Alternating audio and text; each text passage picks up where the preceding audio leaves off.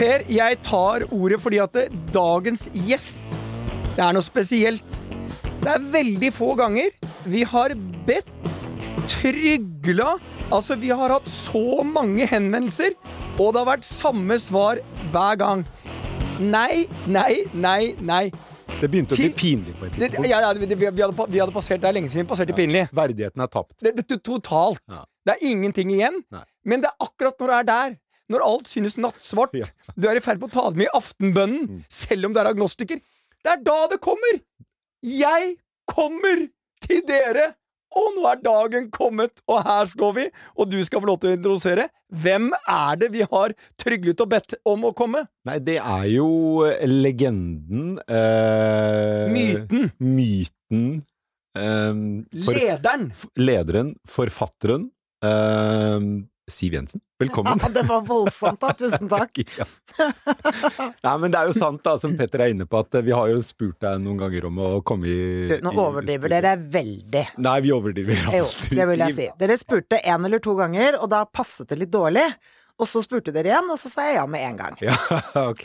Mm. Nei, men, Men det, eh, det, jeg synes, det, det, det, det, det er i hvert fall sånn. De fleste ja med en gang, men vi måtte, vi måtte ned på knærne. Men det, det, jeg lurer på sånn, ledet hun partiet på samme måte? Du, dette må vi høre mer om. Siv, eh, veldig hyggelig å ha deg i studio. Vi, det er jo bare noen veldig få ganger vi har én gjest i studio. Og det er fordi vi, vi er eh, livredde for å være stuck med en gjest som ikke vet å ta plass, og som vi ikke vet hva vi skal spørre om.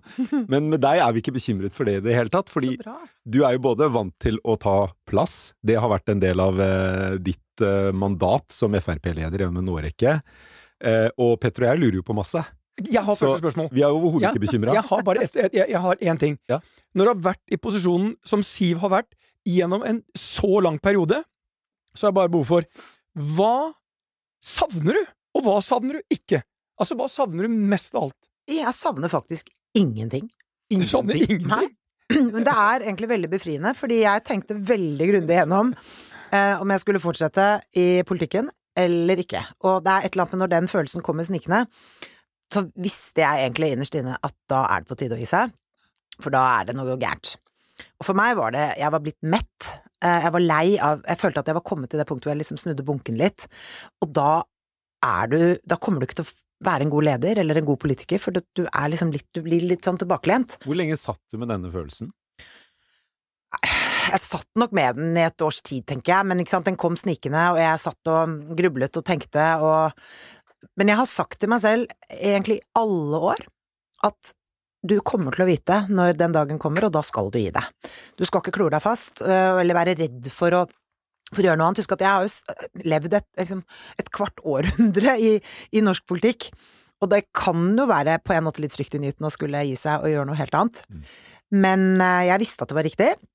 Jeg har ikke angret ett øyeblikk. Det er altså så deilig å ha et nytt liv. Um, det, ja. det må jo være rart for deg, Siv, fordi du, du øh, Om du ikke akkurat vokste opp i politikken, så ble du i hvert fall voksen i politikken. Mm. Uh, du startet jo ganske tidlig med politikk, eller ikke ganske, noen har jo startet langt tidligere enn deg, men det var rundt videregående skoletider, var det ikke det, hvor du først begynte å engasjere deg politisk? Jo. Og så tok jo det ganske raskt eh, over mye av din tid og oppmerksomhet, Mm. og, og du var jo eh, fra tidlig alder en eh, stjerne i Frp, som fikk mye ansvar tidlig. Og du ble jo leder av Frp i ganske ung alder også, Mm. sånn at Frp har jo på mange måter vært ditt liv. Hvordan føles det å ikke savne det livet i det hele tatt? Har du tenkt noe på det? Men det er et eller annet med det der at det er en tid for alt. Eh, Jeg er veldig stolt og takknemlig for det livet jeg har hatt i norsk politikk. Jeg har lært ting som jeg aldri tror jeg ville lært i noen annen jobb, og som har gjort meg til, jeg vil si, et mye bedre menneske. Eh, og som gjør at jeg i dag, med det jeg driver med, med rådgivning og foredrag og øh, sitter i styrer og sånn, så har jeg noe å bidra med, fordi at jeg, jeg kommer med en kompetanse som jeg tror er litt mangelvare i norsk næringsliv, da. Hvilken kompetanse er det, vil du si? Hvis du skal prøve å definere den.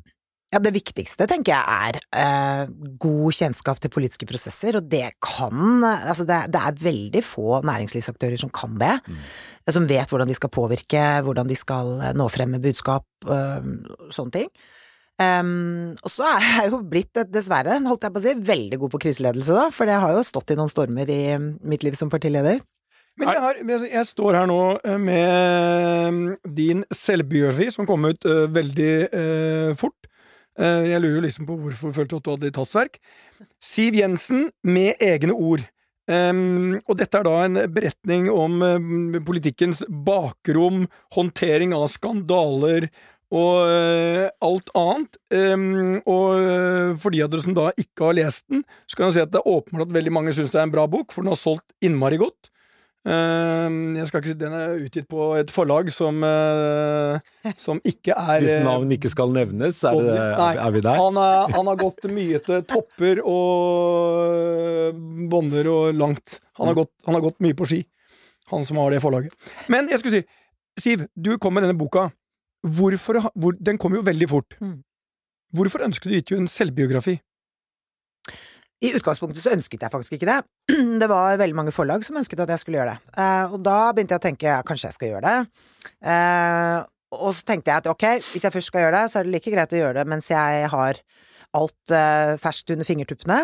Men allikevel så måtte jeg faktisk jeg måtte snakke mye med en del tidligere medarbeidere og sånn, fordi det var en del svarte hull i hodet. Um, for å liksom friske opp uh, hendelser og alt mulig sånn. Og så var det noen premisser jeg la for at jeg, jeg ville gi ut den boken. Jeg skulle ikke um, utlevere hemmeligheter. Uh, det er et eller annet med at når du har fortalt meg ting i fortrolighet, så uh, skal du stole på meg. Uh, og du, klart du sitter, jeg sitter jo på mye informasjon som jeg ikke kan dele, eh, også fra min tid som finansminister. Og det var jeg tro mot. Men du, du skriver en del om eh, forhold til nestlederen du hadde gjennom mange år. Eh, Det var liksom eh, nesten et radarpar. Per Sandberg og deg. Og du skriver litt om måten han forlot norsk politikk på. Hvordan opplevde du det?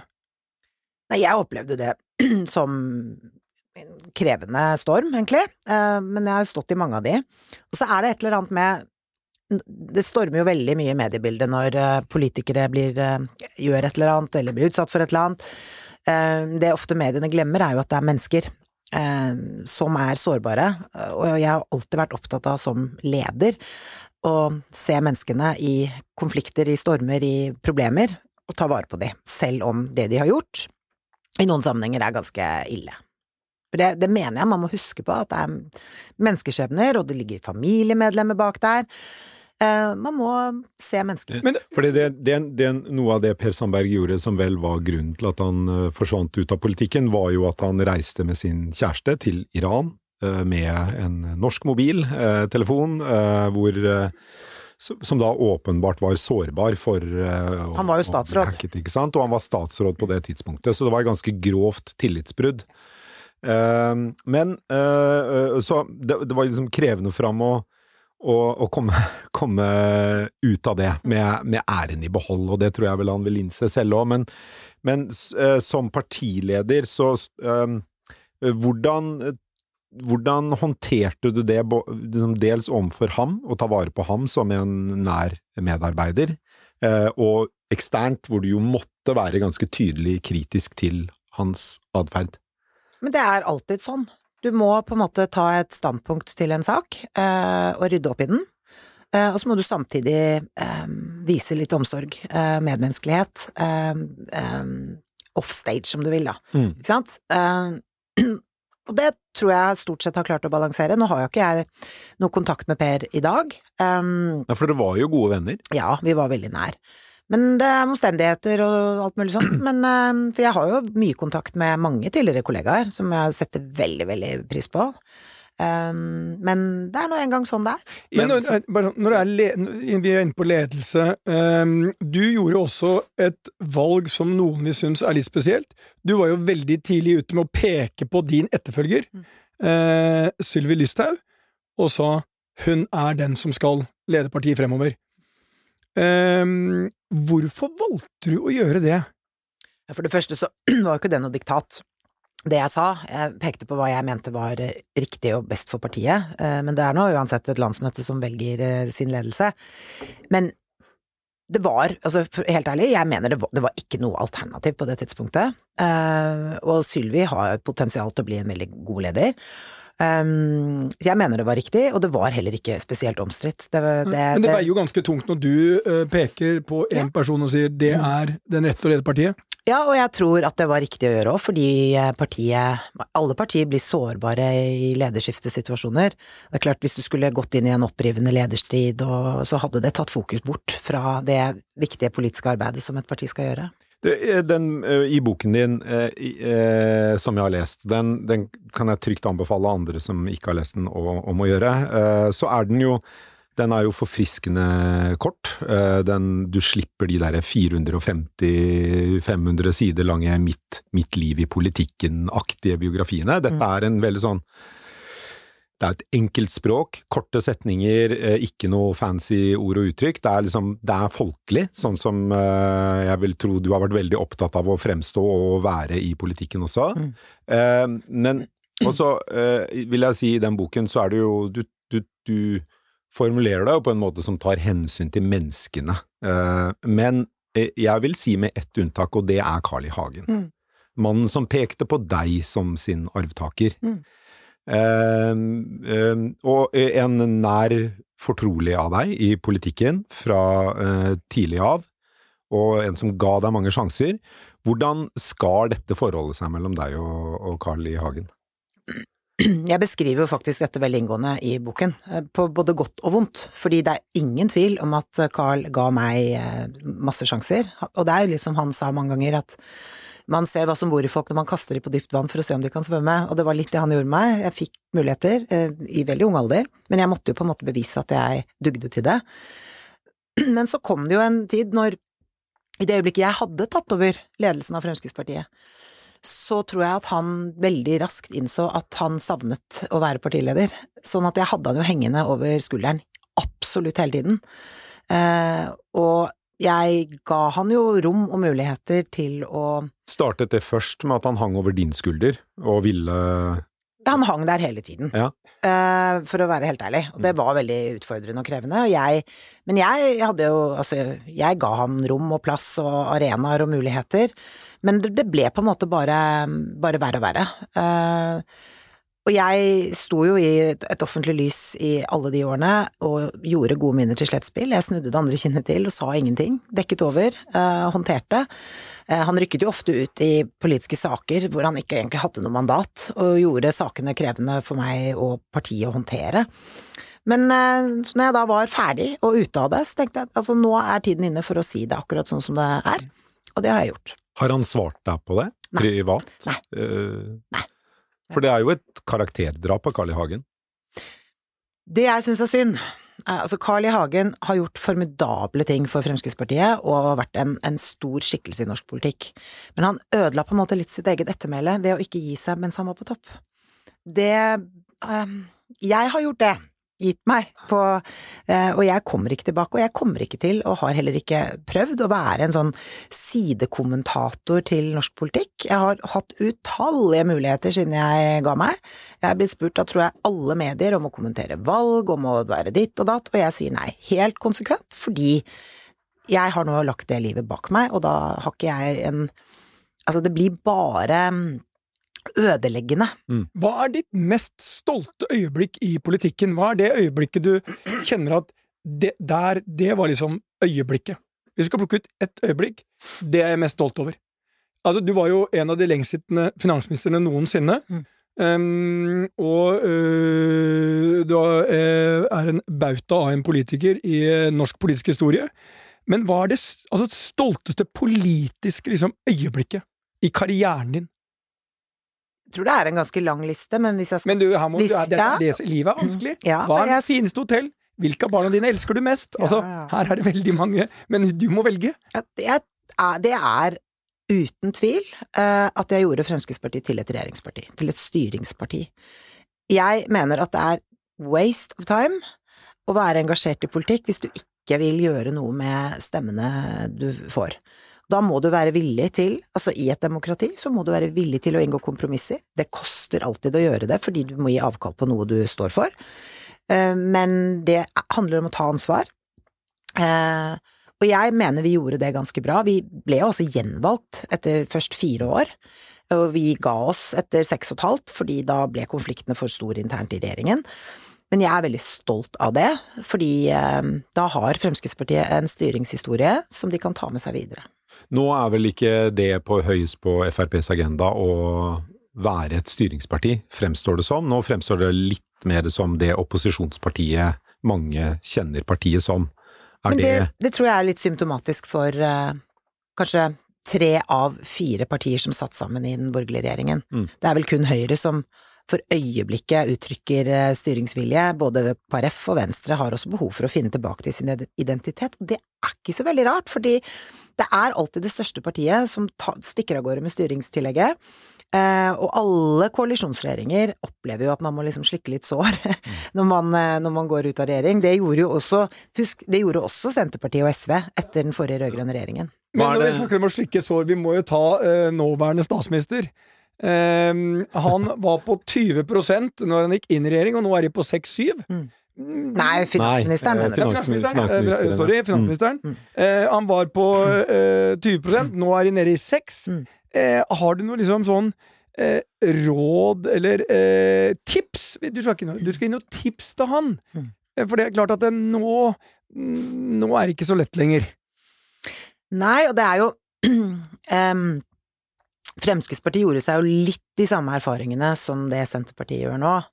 Eh, nemlig at det er dumt å love altfor mye i opposisjon, fordi du skal levere på det i posisjon. Fremskrittspartiet hadde også litt, eh, litt ambisiøse løfter, og jeg husker jo at jeg mange ganger følte at jeg sto i en litt sånn ubehagelig spagat, da, mellom det å skulle være ansvarlig finansminister og si nei til løfter som Fremskrittspartiet hadde kommet med. Men det Trygve har gjort, er jo out of this world. Han lovet jo så enormt mye mer, og så jeg sier at han står ikke i spagat, han eh, spjærer jo fullstendig. eh, så det er det ene problemet han har.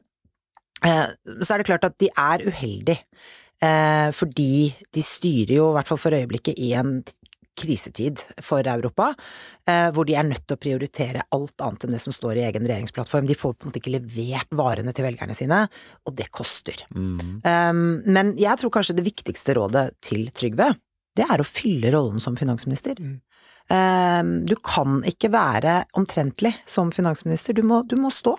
Du må tørre å, å, å ta noen ansvarlige beslutninger og um, eh, argumentere for dem. Men det blir krevende når det står eh, 5000 traktorer og dumper gjødsel utafor kontoret ditt eh, når, nå er vi midt i jordbruksoppgjøret. Men det, Men det de gjorde det da vi satt i regjering ja, òg. fordi det eh, Ja, det er jo en krevende tid å, å lede et eh, parti i posisjon eh, når det er krise etter krise. Først hadde du omnikron som kom, og så eller hva, før det så var det vel strømprisene, og nå er det krigen i Ukraina og høye drivstoffpriser og Matvarepriser, matvarepriser. Renteøkninger så det er, jo ikke, det er jo ikke mangel på krevende ting for Trygve Slagsvold Vedum og Støre å forholde seg til, men samtidig så viste jo Erna, må jeg si, da, at det, det går jo an å styre et land gjennom krise som statsminister og posisjonspolitiker, og likevel komme ut av det med en eh, eh, ganske Altså, hun, hun var ikke så langt fra å vinne, eh, få gjenvalg.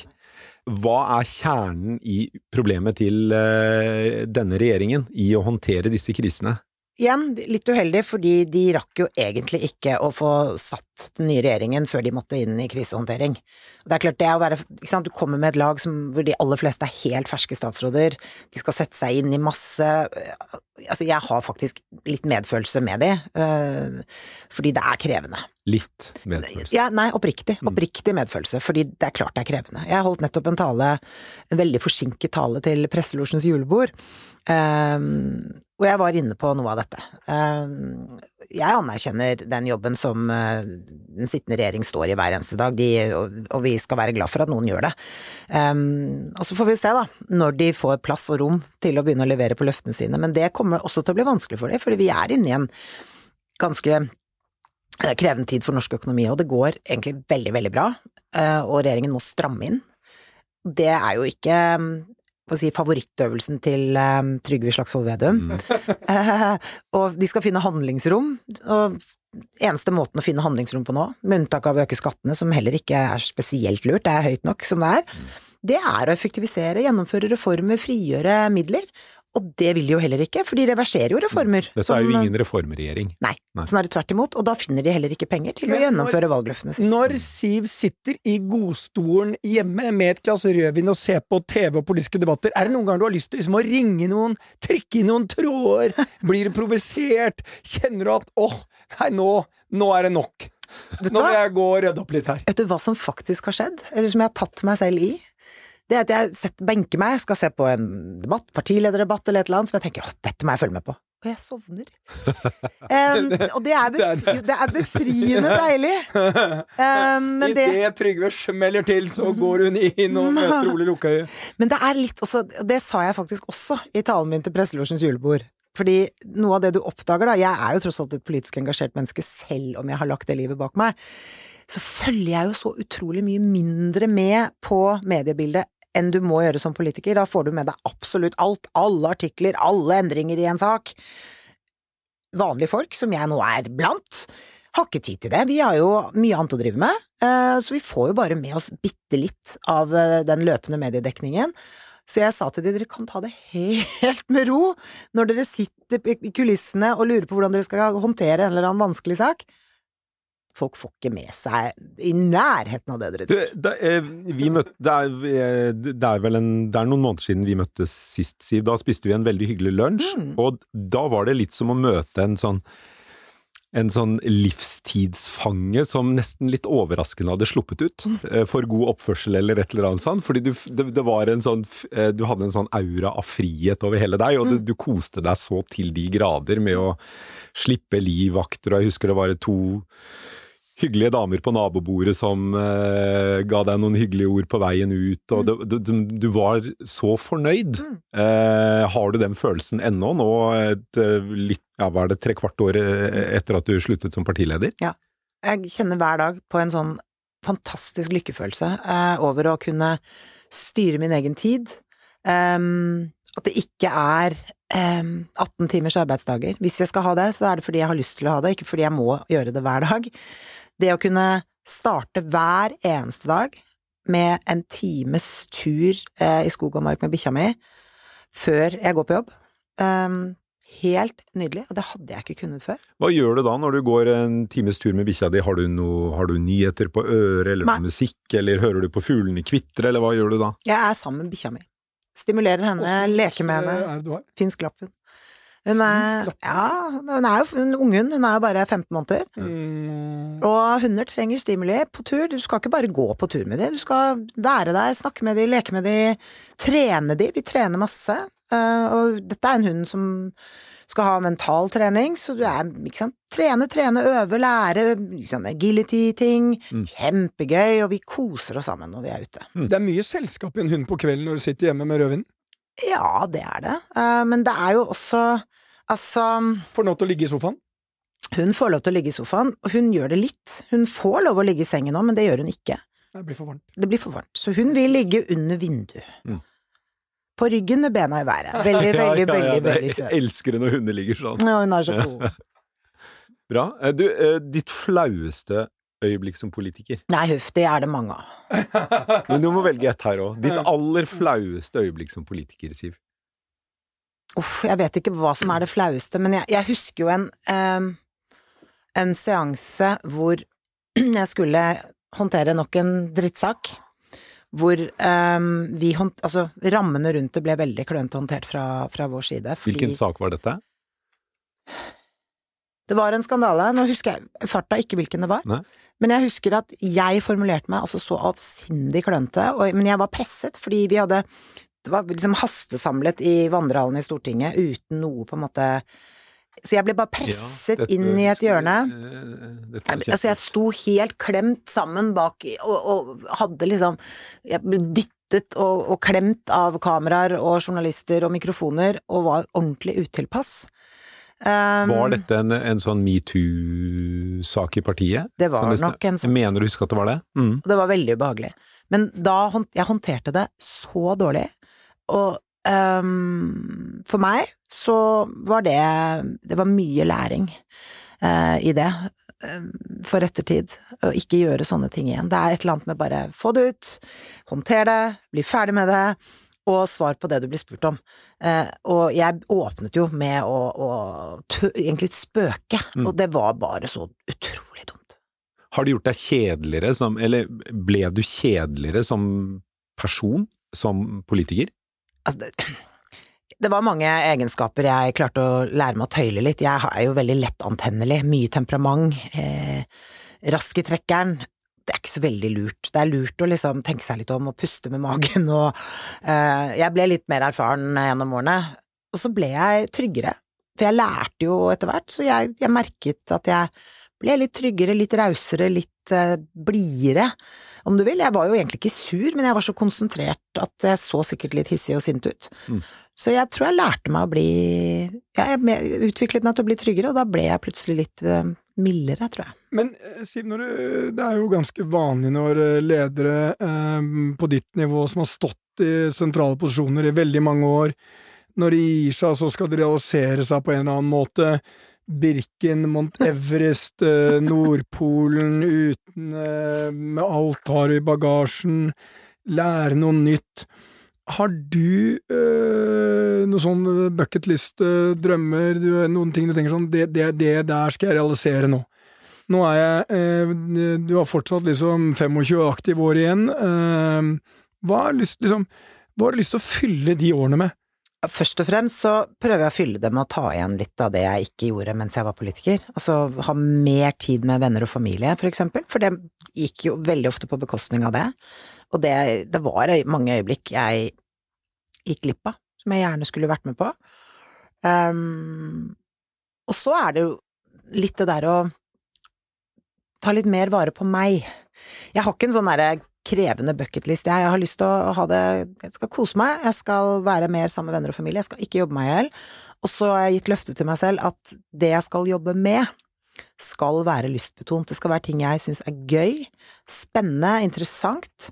Um, og jeg påtar meg rett og slett ikke arbeidsoppdrag som jeg syns er eh, åh, litt sånn åh nei, det orker jeg ikke. Det som føles som en plikt mer enn noe noe lystbetont, det takker du nei til. Ja, Jeg gjør det, Eh, men det er så utrolig mye spennende å holde på med, så jeg fyller jo opp med litt mer enn jeg kanskje burde, men det er litt sånn jeg er, da. Jeg, jeg, Så hvor jeg har ikke tenkt å pensjonere meg ennå. hvor er Siv Jensen om ti år?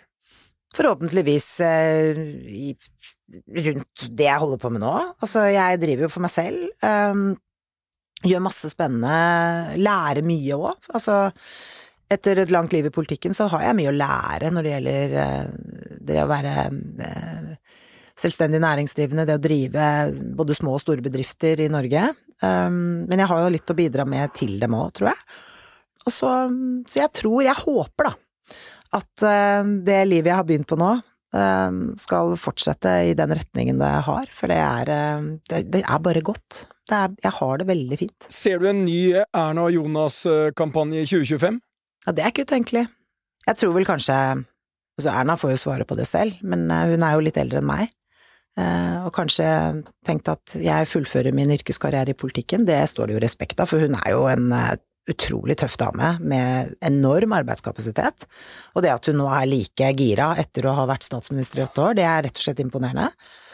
Hvem som blir de store kamphannene ved neste stortingsvalg, det er ikke så godt å si. Tror du det blir Jonas? ja, han er jo statsminister nå, og det er ikke helt utenkelig at det er en ny Erna Jonas-kamp som, eh, som eh, seiler opp, men eh, jeg vet aldri. Altså, det, er, det er det som er så vanskelig. Alle som har fulgt norsk politikk i noen år, vet at det, plutselig så skjer det ting eh, som er helt uventet. Det var jo ikke så mange som så for seg at jeg skulle gi meg heller, da. Så jeg tror jeg, jeg, jeg overrasket jo litt da jeg sa, annonserte at jeg skulle gi meg. På tampen, Siv, hvis du skal trekke frem tre unge politikere som du, som du ser for deg at eh, disse tre kommer vi til å høre veldig mye fra de neste 20 årene i norsk politikk. Tre stykker. Avslutte med et krevende spørsmål her nå. Ja. Jeg skal i hvert fall nevne én som jeg la tidlig merke til eh, i forrige stortings... eh, ja, nei eh, i, i Ja, jeg la tidlig merke til, i hvert fall, og det var Emilie Enger Mehl, som nå er justisminister. Jeg husker henne veldig godt, for da var hun veldig ung og veldig ny på Stortinget, men veldig flink. Jeg husker jeg gikk bort til henne, og så sa jeg akkurat det. At det der var veldig bra, du er kjempeflink, stort talent. Eh, og så har jeg liksom fulgt henne litt opp, eh, og det har ingenting, sant. Jeg stemmer ikke på Senterpartiet, men jeg er opptatt av å ta vare på unge talenter i politikken. Eh, og hvis jeg kan være litt mentor for dem, uansett hvilket parti de kommer fra, så mener jeg at jeg bidrar med noe bra. Fordi skal vi fortsette å ha et sterkt demokrati, så må det rekrutteres unge, flinke folk til politikken. Og det er ikke bare bare i disse tider. Jeg husker hvor tøft det var da jeg var ung i politikken, men det var jo bare barnemat i forhold til hva som skjer nå, fordi nå er sosiale medier gjør at eh, kritikk og møkk kommer så tett på, eh, og det kan skremme mange fra å ville ta eh, skritt ut i politikken. Jeg håper ikke de blir skremt til å gjøre det, men jeg håper snarere tvert imot at både journalister og andre voksne, erfarne politikere er sitt ansvar bevisst og ta vare på dem, fordi det trenger vi. Men jeg syns det var veldig fint det at Siv oppmuntrer eh, en ung politiker fra eh, det Veldig. Det syns jeg det, det forteller mye om Det er en veldig god egenskap. Det er kjempebra. Jeg ble nesten rørt. Men du, må, du har to til. Du må trekke frem. Jeg har jo veldig tro på Sivert Bjørnstad i Fremskrittspartiet. Mm. Eh, veldig stort talent som eh, han nok ikke har helt utviklet enda. Eh, og så tror jeg nok at eh, Henrik Asheim Ja. vil gjøre seg veldig markert i norsk politikk i mange år fremover. Ok, bra. Et bra trekløver. Sivert, Henrik og Emilie, dere kommer vi til å høre veldig mye mer fra i de neste 20 årene, ifølge Siv Jensen. Eh, det virker fornuftig, det. Det er jo tre utrolig dyktige unge politikere. Og så likte jeg at det var fra tre forskjellige partier. Bra. Noe spesielt du vil si på tampen, Petter? Nei, jeg har jo eh, fulgt eh, Siv gjennom eh, veldig, veldig mange år, og jeg føler at jeg står fremfor en person som har funnet tilbake til seg selv, og som har et fantastisk liv, og som kan se tilbake på en fantastisk karriere, og ikke minst, som hun selv sier, hun sluttet på topp. Og det burde kanskje flere tenke på. At eh, ditt ettermæle og sånt noe, det er kanskje annerledes når du slutter på topp. Terningkast eh, på livet, Siv. Akkurat nå? Ja. Nei, det må være terningkast seks. Så bra. Ja. Tusen takk for at du kom i studio, og så snakkes vi igjen neste uke. Det gjør vi.